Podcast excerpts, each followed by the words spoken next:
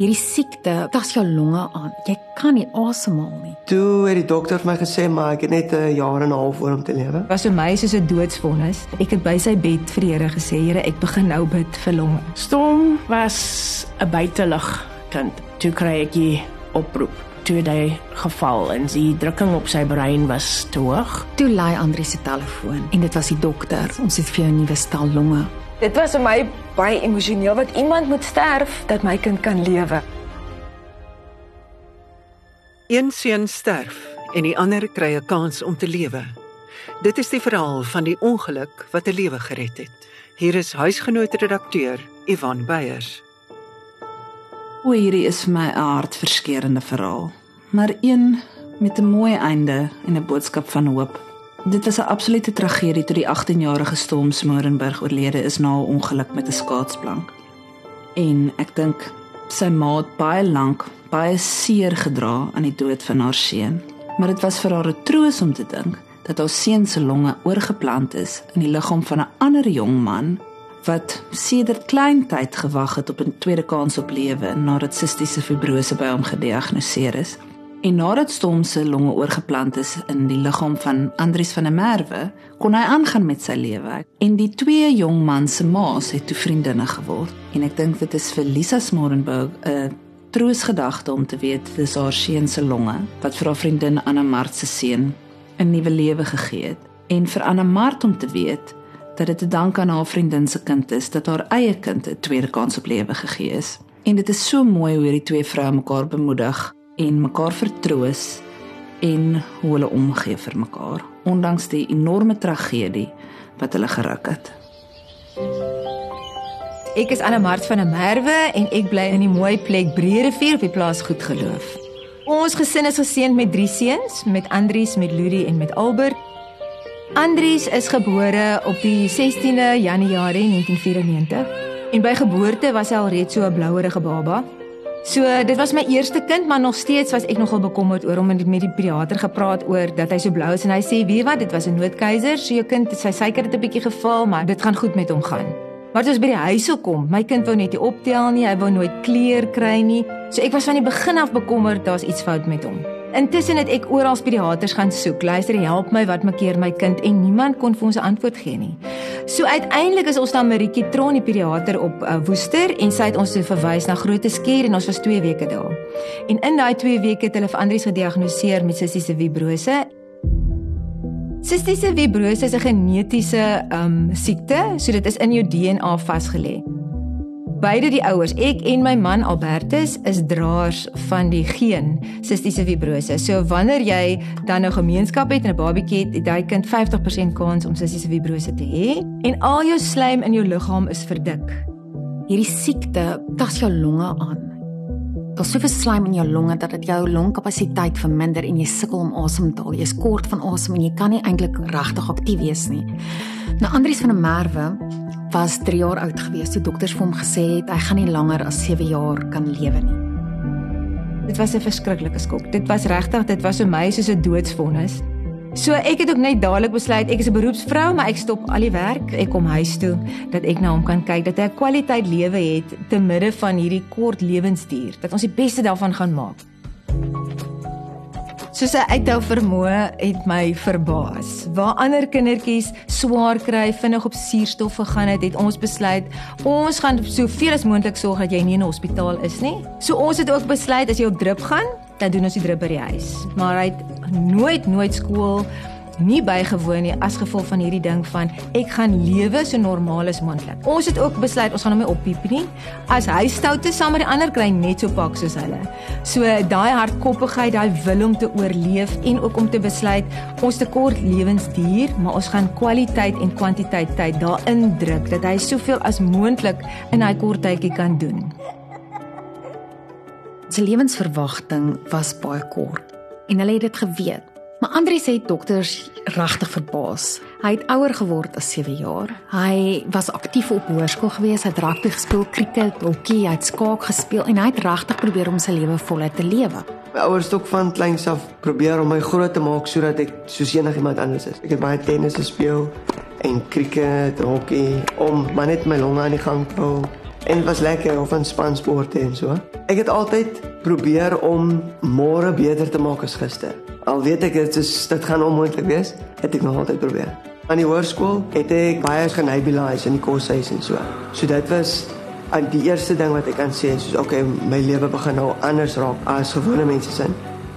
Andri sê dit regkry om sy 18de verjaarsdag te vier en vir die mense in sy lewe en vir sy familie was dit werklik waar 'n wonderwerk geweest. En toe maak hy matriek en toe wil hy chef raak. Dis mos nou warm en is koud en is geure en is stoom en is allerlei dinge wat op jou longe inwerk. So en hy was in Stellenbosch. Hy was nie meer in Ceres in die koshuis wat hy naby my was nie. So dit is hoekom ons ook later besluit het my jongste moet by hom in Stellenbosch gaan bly. En Andries sou nooit kla nie. Hy sal nooit gesê het mamma, ek voel so siek nie of mamma, ek moet nou hospitaal toe gaan nie. So ek het ook 'n punt daarvan gemaak dat elke keer as hy by die hospitaal moet gaan vir sy ondersoeke dat ek by is. Dat ek op datum is, hoe gaan dit met hom en hoe lyk sy longfunksie en is alles nog in plek. Dit was omtrent so in 2015. Toe begin ons agterkom sy longkapasiteit is 28 en dan begin hy val na 25 toe en dit raak begin nou dringend raak. So ons het ook baie probleme gehad om 'n regte dokter te vind en op die ouend ons nou vir dokter Galligaro vind, het hy besluit Andries is 'n kandidaat vir longoorplanting. Ons moet hom nou begin voorberei en evalueer dat hy wel hierdie longoorplanting kan kry. Iewers gaan iemand 'n skenker moet wees om vir Andries lewe te gee. Toe ek so 24 was, toe kan ek sien maar in die winter of as soos mense gras sny of so, dan kan ek dit dat's baie sensitief op my op my longe en asemhaling en so. Gewoonlik sal dit nie my gehinder het nie. Maar toe daai tyd toe begin dit vir my pla, so klein goedjies en so. As dit reën en as dit mistig is en so. Toe weet ek okay, maar dit gaan nou nie meer wees soos dit was nie. Toe het die dokter vir my gesê maar ek het net 'n jaar en 'n half voor om te lewe. So ons asemhaal, ons vat dit van selfsprekend. Jy asem in, jy asem uit. Vir iemand met sistiese fibrose, as jy net 17% van die longkapasiteit oor het, dan jy kan nie asemhaal nie. Omdat sy longkapasiteit tot 17% gedaal het, was dit nie meer moontlik vir hom om te gaan werk nie. Dit was nie meer moontlik vir hom om rond te beweeg nie. So hy was gedwing om sy werk te los en sy ma Anne Marie het gebid. Sy het haar knieë deurgebid want hulle het gesien hoe hulle seun agteruit gaan. Hy was maar, hy was bleek. Hy kon nie beweeg nie. Dit was vir my baie emosioneel wat iemand moet sterf dat my kind kan lewe. Ek is Lisa Smarenberg, Storm se ma. Storm is op die 5de Junie 2001 in Caledon Hospitaal gebore. Storm was 'n buitelug kind. Hy was baie lief vir die buitelug. Het van kleins af, ek dink hy was so 3 en 'n half, toe het ek vir hom 'n klein Peewee 50 motorbike gekoop. Die eerste keer wat hy op was, het hy in die Vipercreek muur vasgery. maar gelukkig was hy gegee van kop tot toon. Later het ek vir hom 'n groot fiets gekoop. Um ons het baie na rallies toe gegaan en sulke goedes en hy het maar op sy motorbike daar in die kampplek rondgery en vriende gemaak en hy was lief vir die see, water, enige water en ek moes hom 3 keer uit die swembad uitred. Een keer moes ek inspring om hom uit te haal omdat hy in die middel geval het en nie op die kant nie. Eerste twee keer was aan die kant toe hy maar gegryp en vasgehou. Hy het gesurf en geswem. Hy het meer gehou van body surf as die surfing, maar hy was bereid om enigiets te probeer. Ons het ziplining gedoen en alles. Ek het altyd gesê ek is 'n seentjie ma en ons het sulke goedes geniet om saam te doen, ja. Toe hy hoërskool toe is, het hy dit was 'n groot aanpassing vir hom, want hy het gegaan van 'n enkel kind in sy eie kamer na 'n koshuis met 8 kinders in 'n kamer. Maar dit het 'n kwartaal geneem en hy het aangepas volgens dit en ja, daar het hy begin leer hoe om kinders met sy eie ouderdom te kommunikeer en goedes. En teen matriek het hy baie pelle gehad. Stom was hierdie pragtige seun. Hy was 'n atleet gewees, 'n kronige rugby speler, hy het brandeplank gery, hy was rarig rarig 'n topstudent gewees en vir sy 18de verjaarsdag het hy vir sy ma Lisa gevra kan hy groot asseblief 'n skaatsplank kry. Elke jaar het ek hom gevra wat hy vir sy verjaarsdag wil hê. In die hoërskool het hy nie verjaarsdag gehou want dit was altyd sy uitverjaar in die eksamen in die winter. So uh, dit was nie altyd maklik. Um toe sê ek hom maar dis nou sy 18de verjaarsdag, is 'n groot verjaarsdag. Ons moet nou 'n bietjie van 'n effort maak. En wat wil jy hê vir jou verjaarsdag? Toe hy gesê hy wil baie graag 'n langbord. Ek sê, "Oké, okay, wat 'n een." En toe stuur hy vir my die prentjie, hy wil die een hê. Nou Lisa is 'n enkel ouer en hulle was ontsettend na mekaar en as jy vir Lisa ontmoet en as jy foto's van hulle twee kyk dan kan jy sommer dadelik sien hulle stom was haar lewe gewees.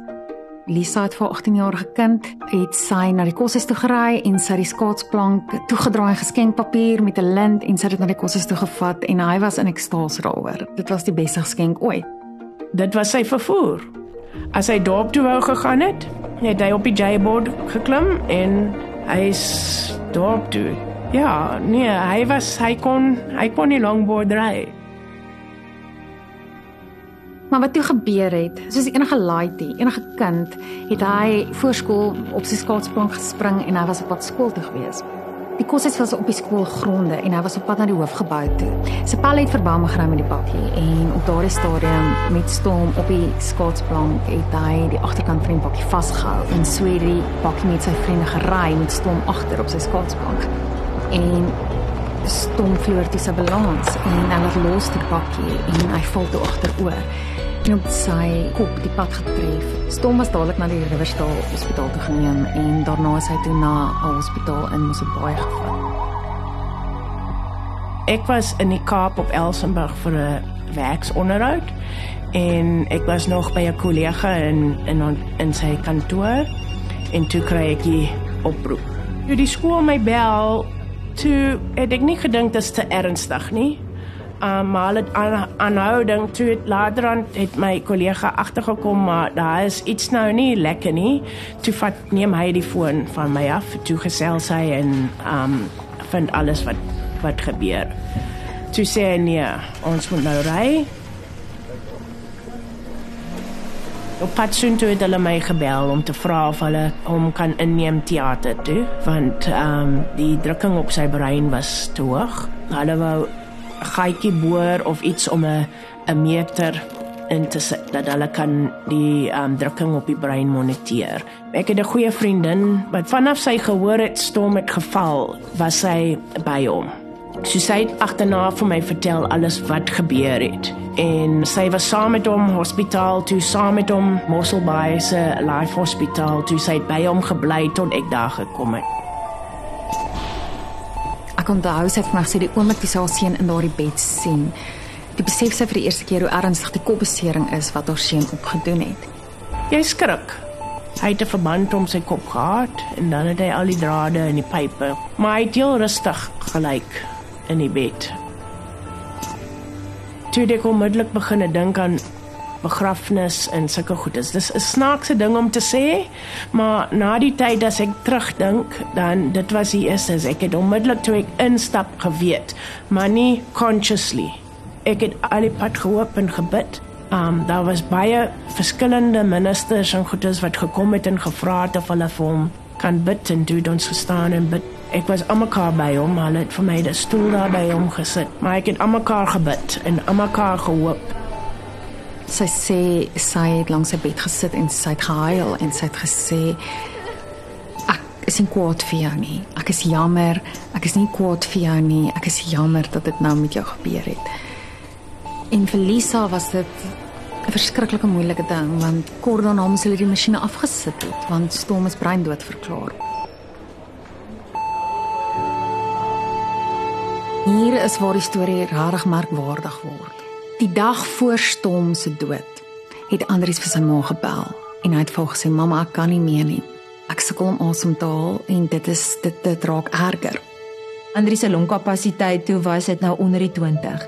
Toe sit vir hom so swaar. Wie hy dis dit is hoogsomer maar hy dra twee baadjies, hy dra 'n mis, hy dra dik sokkies. So hy kon nie verloop by 100 meter, dan moet hy stop, dan moet hy rus, dan moet hy eers asem kry en dan kan hy weer beweeg. So sy longkapasiteit het toe konstant afgeneem. So ons het net besef dit raak nou dringend en uh, hy het ook meer gereeld hospitaalbesoeke gedoen sodat dokter Galligaro vir hom kan voorberei dat as daar skenker is, hoe die dinge dan gaan werk. Dokters het daardie stadium vir Andries gesê sy toestand het so versleg dat hy 'n paar dae later permanent aan suurstof gekoppel gaan moet wees. Die Dinsdag het ek ingegaan hospitaal toe net om soos vir 'n check-up en so by die dokter. En die suurstof in my bloed was bitter laag. Toe sê die dokter maar okay, hy gaan vir my um suurstof stuur, terapie stuur wat maandag by my huis gaan aflewer word. Toe sê hy maar ek moet net deur die naweek kom, dan maandag sal die suurstof by my huis wees. Ek wil nooit suurstof gehad het nie, want dan maak jou liggaam maak jy dependent op daai suurstof en die bakterieë en alles in jou liggaam doen beter as gevolg van die ekstra suurstof wat in jou swak longe is. Op daardie stadium het hy reeds 7 maande gewag op 'n skenker en vir hierdie familie was dit regtig moeilik. Dit was hulle was op die nippertjie gewees. Dis sien nie tergend want onthou iemand moet breindood wees voordat jy die orgaan kan kry. So dit was vir my was dit 'n verskriklike gebedsaak. Dit is 'n wonderlike reis, maar dit is ook hartseer om te sien hoe daai persoon agteruit gaan terwyl hy wag want dit jy voel so magteloos. Ek as ma kan niks vir hom doen nie. Ek kan nie eers hom oorplanting gee nie. Ek kan nie eens my eie longe gee nie. So dit is absoluut daai ding van ons wag. Daar is soveel ander mense in Suid-Afrika wat ook longe nodig het. So wat is die kans?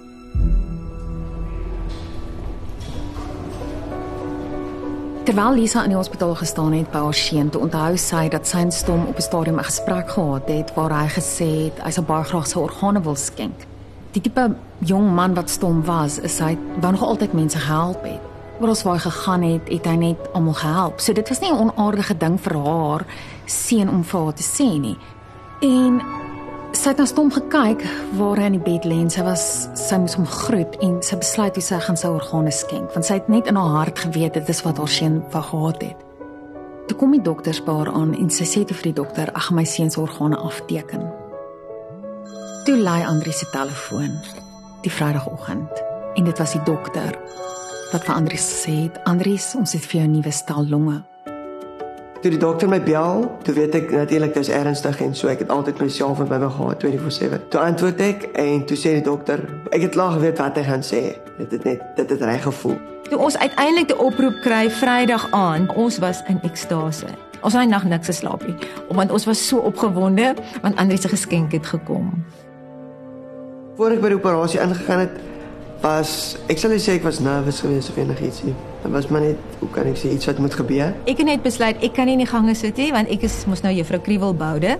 So ons het gaan inboek, ons het vir ons 'n plekkie gaan soek om te bly en um ek was die hele tyd in kontak met dokter Galligaro. Hy was in die operasiesaal. So as ek enigsins vir hom iets vra, het hy onmiddellik laat weet. Wie na die operasie, hy het maar by die operasie 47 kg geweeg en hy is nog al 'n lang mannetjie, hy is 1.8. So hy was klein en maar en dokter gesê gaan slaap. So oral het nou bloedsakke en drips en goed gehang. So toe ons nou daar ingaan, toe sê die dokter hy gaan glad nie reageer nie. Ons moenie bekommerd daaroor wees nie. My emosies was heeltemal vol. Ek wou net huil en skree en kyk hoe lyk my kind. En toe het ek net besluit ek gaan 'n kansie vat en ek, gaan, ek het so teen sy skouer gevryf en gesê Andries mamma is hier en toe raak hy wakker. Die dokter was soos in ekstase dit gebeur het. This is not normal, maar vir my is dit normaal want dit was 'n bevestiging my kind gaan lewe en ons gaan nie deur hierdie ding kom.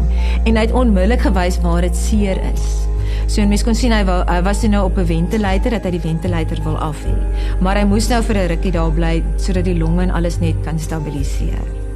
Toe ek wakker geraak het, toe was ek op die ventilator gewees. Ek was bitter dors. Ek kon nie uh water kry nie want hulle was bang dat my longe sal kollaps of so as ek nou met water drink of dit gaan in die longe in. En toe het ek net vir hulle gevra dat hulle so gou as moontlik vir my van die ventilator afkry want dit is ook 'n probleem as mens te lank op dit is. Ja, mes my huiswerk doen as so iets gaan. En ja, toe gaan ek van die ventilator af. En toe het ek net probeer om so vinnig as moontlik te staan ten minste. En ja, toe het ek begin loop in 3 dae. Dit het my net gevoel ek moet so gou as moontlik weer doen alles wat ek kan gedoen het en beter. Die rehabilitasieproses is maar net dis up to yourself. Ja, as jy nie daai wilskrag het om dit te doen nie, dan geen nurse op aarde gaan dit regkry nie. Jy moet dit net self wil. Ek dink dit het so 6 maande gevat voor ek 100% reg was, maar ek was net 12 dae in hospitaal gewees. Ja, dit ek ontslaan. Dit is wyd bekend dat die orgaanbank nie baie maklik in 'n situasie soos hierdie die inligting van die orgaanskenker aan die ontvanger bekend maak nie en vice versa vir verskeie redes. Een van hulle is om die twee partye se privaatheid te beskerm. As jy 'n orgaan ontvang, dan mag jy nie weet wie die skenker is nie. So tydens die operasie het ek besluit ek gaan op Facebook dit sit en dit publiek maak dan want daar hierdie jare is daar so baie mense wat vir hom gebid het wat graag sou wou geweet het. En toe ek nou gaan kyk of die of my plasing op is, toe sien ek net onder dit Storm se beriggie. En ek dink by myself, dit kan nou nie so toevallig wees. Ek en ek laat hoe vir my kinders weet en ek sê, "Jong, ek dink Storm kan dalk die skenkerlonge gegee het." En my middelkind sê vir my, "Mamma, maar ek ken vir Storm. Ek het saam met hom tou getrek in Pretoria. Dis 'n wonderlike kind. Hy ken die Here en hy's hierdie groot sterk seun." Ons het op sosiale media gesien van Andries wat spog met 'n nuwe stel longe. En hy het geskryf op sosiale media, "’n Storm het my getref." Dit was snaaks, dit was die Saterdag toe ek uit die hospitaal uitkom, toe ek op Facebook gesien die kind wat in die hospitaalbed lê en ehm um, hy sê hy kan stomsalonge kry. Ek het nie geglo nie, want hulle het vir my gesê niemand gaan weet nie. Ehm um, so hoe kan hy nou weet hy het stomsalonge gekry? En is hier waar die storie nog meer interessanter raak. Andri se ma Anne Mart en Lisa het 'n gemeenskaplike vriendin gehad. Die vriendin het saam met Lisa gewerk by die departement van landbou en sy het die hele storie van Lisa en Stom gehoor en sy het presies geweet dat Stom sy organe opgegee het en sy het geweet Andries het 'n stel longe gekry die dag nadat Stom oorlede is. My man se niggie bel hom toe en sy sê maar sy ken vir Lisa en sy hoor Storm se longe is geskenk en ons het 'n longoorplanting gekry. So toe maak ons daai 2 by 2 en toe kry ons 4. Skielik het Anna Mart en Lisa en Andri se wêreld so in mekaar in verweef. Ons raak toe uit na Andri en Lisa en hulle stem toe in om met ons te gesels en ons stond Die eerste keer toe ons vir Andries gesien het, het hy glad nie soos 'n tipiese 25-jarige jong man gelyk nie. Hy was verskriklik maar en bleek en jy kan sien hy was swak, want dit was immer 'n dag nadat hy uit die hospitaal ontslaan is. Hy het slegs 12 dae tevore 'n dubbele longoorplanting gekry. Andries het 'n blou masker aangetree en dit was pre-COVID, so dit was almal baie eienaardig en oral waar mense vir hom geloop het, het hulle vir hom gekyk. Die rede hoekom hy die masker moes dra is omdat hy nou hierdie nuwe stel longe het. Is daar ook 'n baie groot kans dat sy liggaam die longe kan verwerp. So infeksie kan ook baie baie makliker gebeur en die masker het hom gehelp net om veilig te bly. Op daardie stadium het Andries en Lisa slegs met mekaar op die telefoon gesels. So hierdie sou die eerste keer gewees het wat Andries die vrou kan sien wie se seun sy lewe gered het. Lisa het uit haar kar uit geklim en sy het gekyk na hierdie jong man en hier staan Andries, nog swak. Lisa het net begin huil.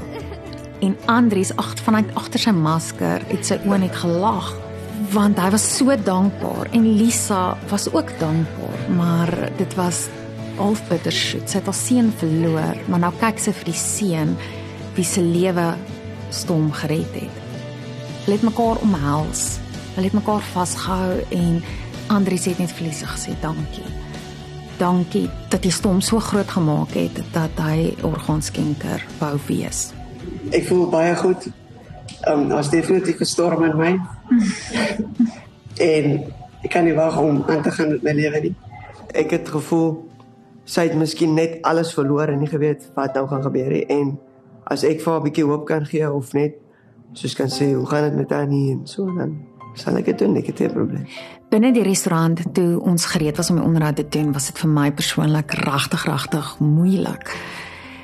Want dit is iets wat dit is regtig 'n gevoel wat jy nie eintlik vir mense kan beskryf nie. Aan my regterkant het Andries gesit.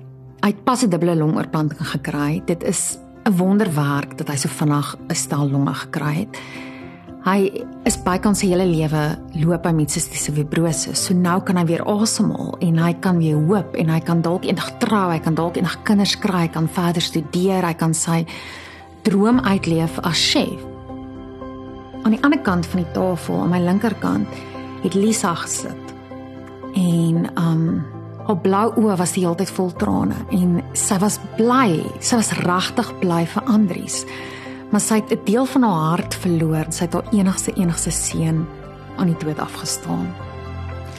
Maar sy's 'n sterk vrou en as jy met haar praat, kom dit baie baie vinnig deur.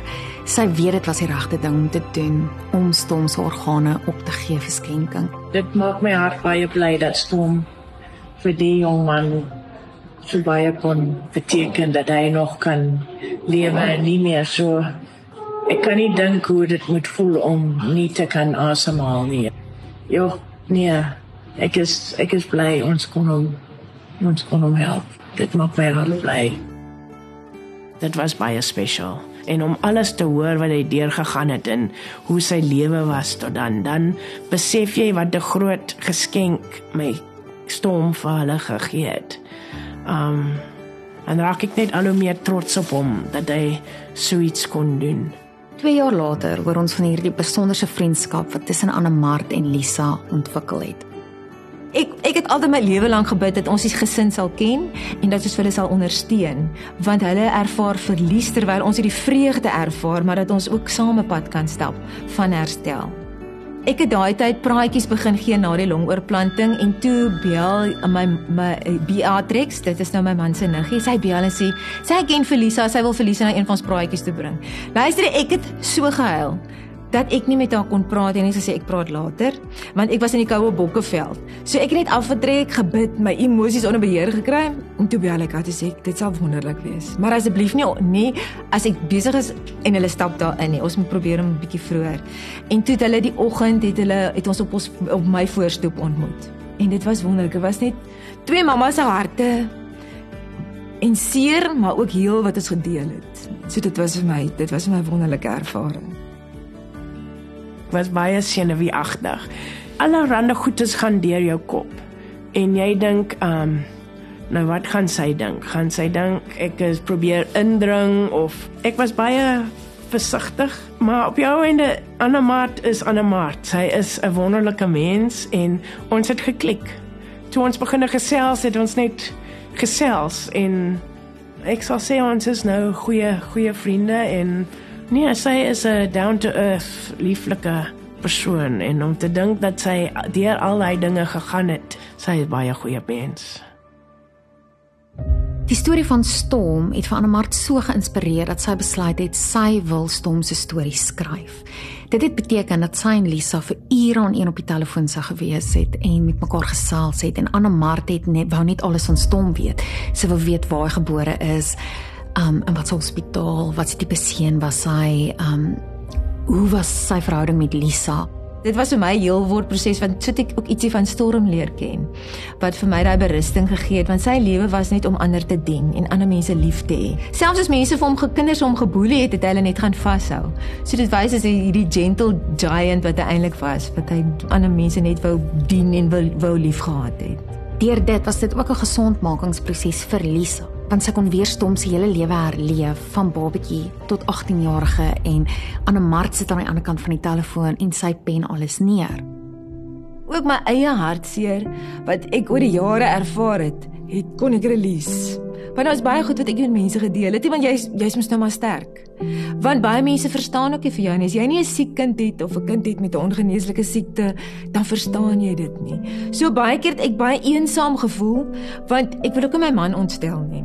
So en jy wil jou kinders ontstel oor jou kommer nie. So toe ek daai boek skryf, ek het baie gehuil. Ek het baie besef die dankbaarheid dat my gebede is almal verhoor. Alles wat ek gevra het is verhoor. So dit was regtig hierdie boek was soos 'n lofoffer. Maar wat so merkwaardig is, is Anne Mart het vir my vertel dat soos wat sy met Lisa gepraat het, begin iets sy toe 'n tydlyn in 'n dagboek begin neerskryf wanneer hy gebore is en wat alles gebeur het. En Anne Mart het al die jare 'n dagboek gehou. En op 'n stadium het sy deur haar dagboek gegaan en sy sien toe iewers in 2001 het sy 'n gebed neergeskryf.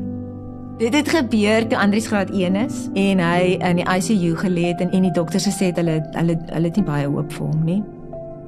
En ek is die enigste een wat by die ICU kan ingaan.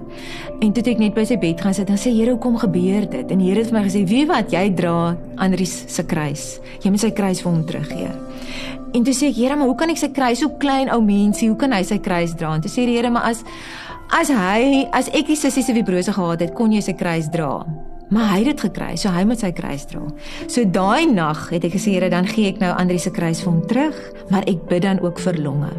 En dit was die 5de Junie 2001. En op daardie selfde dag wat Anne Mart dit gebid het van God, honderde kilometers verder, was Lisa in die hospitaal en sy het geboorte gegee ontstaan. Sy sê sy het die 5de begine bid. En hy is die 5de gebore. As jy daai sulke goedes bymekaar sit, dan was dit die Here se doel, glo ek, die hele tyd. So vir my alles is interweaved. Wat hierdie storie vir my so merkwaardig maak, is aan die een kant het jy vir Andries en hy 'n tweede kans op 'n lewe. Aan die ander kant het jy vir Lisa, sy het een seun, sy's 'n enkel ma. Sy het al die drome vir haar seun gehad. Sy het 'n intense verhouding met haar seun gehad en hy is oorlede in 'n vrats ongeluk. Maar waar tragedie gebeur het, kom daar nou 'n nuwe lewe. So dit gaan baie baie goed met Andries. Andries is amper 2 jaar na sy longoorplanting. Hy het gewig opgetel, hy het sterk, hy het spiere. Dis nie meer ribbekaste wat ons sien nie. En hy het is baie swaar gehad met akne. So die akne is weg. Die man het nou 'n baard. En die man het ook nou krag vir liefde. Hy het altyd gesê hy wil nie verlief wees nie want mamma net het gaan ek dood en dan nou wat van die meisietjie. So hy is gereed vir verhoudings. So ek is baie opgewonde daaroor. En met ons as gesin gaan dit goed. Dit gaan goed want ons is ons is nie heeltemal relaxed nie want enige oomblik kan dit ook mos nou wees. Ons staan mos die risiko van verwerping, maar ons almal se lewens gaan bietjie meer normaal aan. So my jongste bly nou by ons. Hy het sy onderwys eh, loopbaan begin. So hy het ook nie meer daai stres van ek moet nou kyk lewe Andries nê. So met ja, en ek leef my droom. So dit gaan baie goed met ons. Sy drukkies, ek mis sy drukkies verskriklik. Hy sou net gekom het en van agter af in jou omhels het. Hy was altyd lief daarvoor ook om 'n mens skrik te maak. Hy was so spontaan kan. Hy kon met jou praat. Hy kon met 'n kleintjie praat. Hy kon met 'n ouma en 'n oupa praat. Dit was vir my ook altyd so wonderlik dat hy van hierdie teruggetrokke saai kind was en hoe die hoërskool hom meer oper gemaak het en ek dink dit was jeug en al daai dinge ook. Ja, hy kon gesels met enige iemand. 'n Roerende storie wat dankbaarheid beklemtoon en ons herinner om niks as vanselfsprekend te aanvaar nie. Nie eers ons asem nie. Ek is Rudolf Landman en dit was huisgenoot se ware lewensdrama.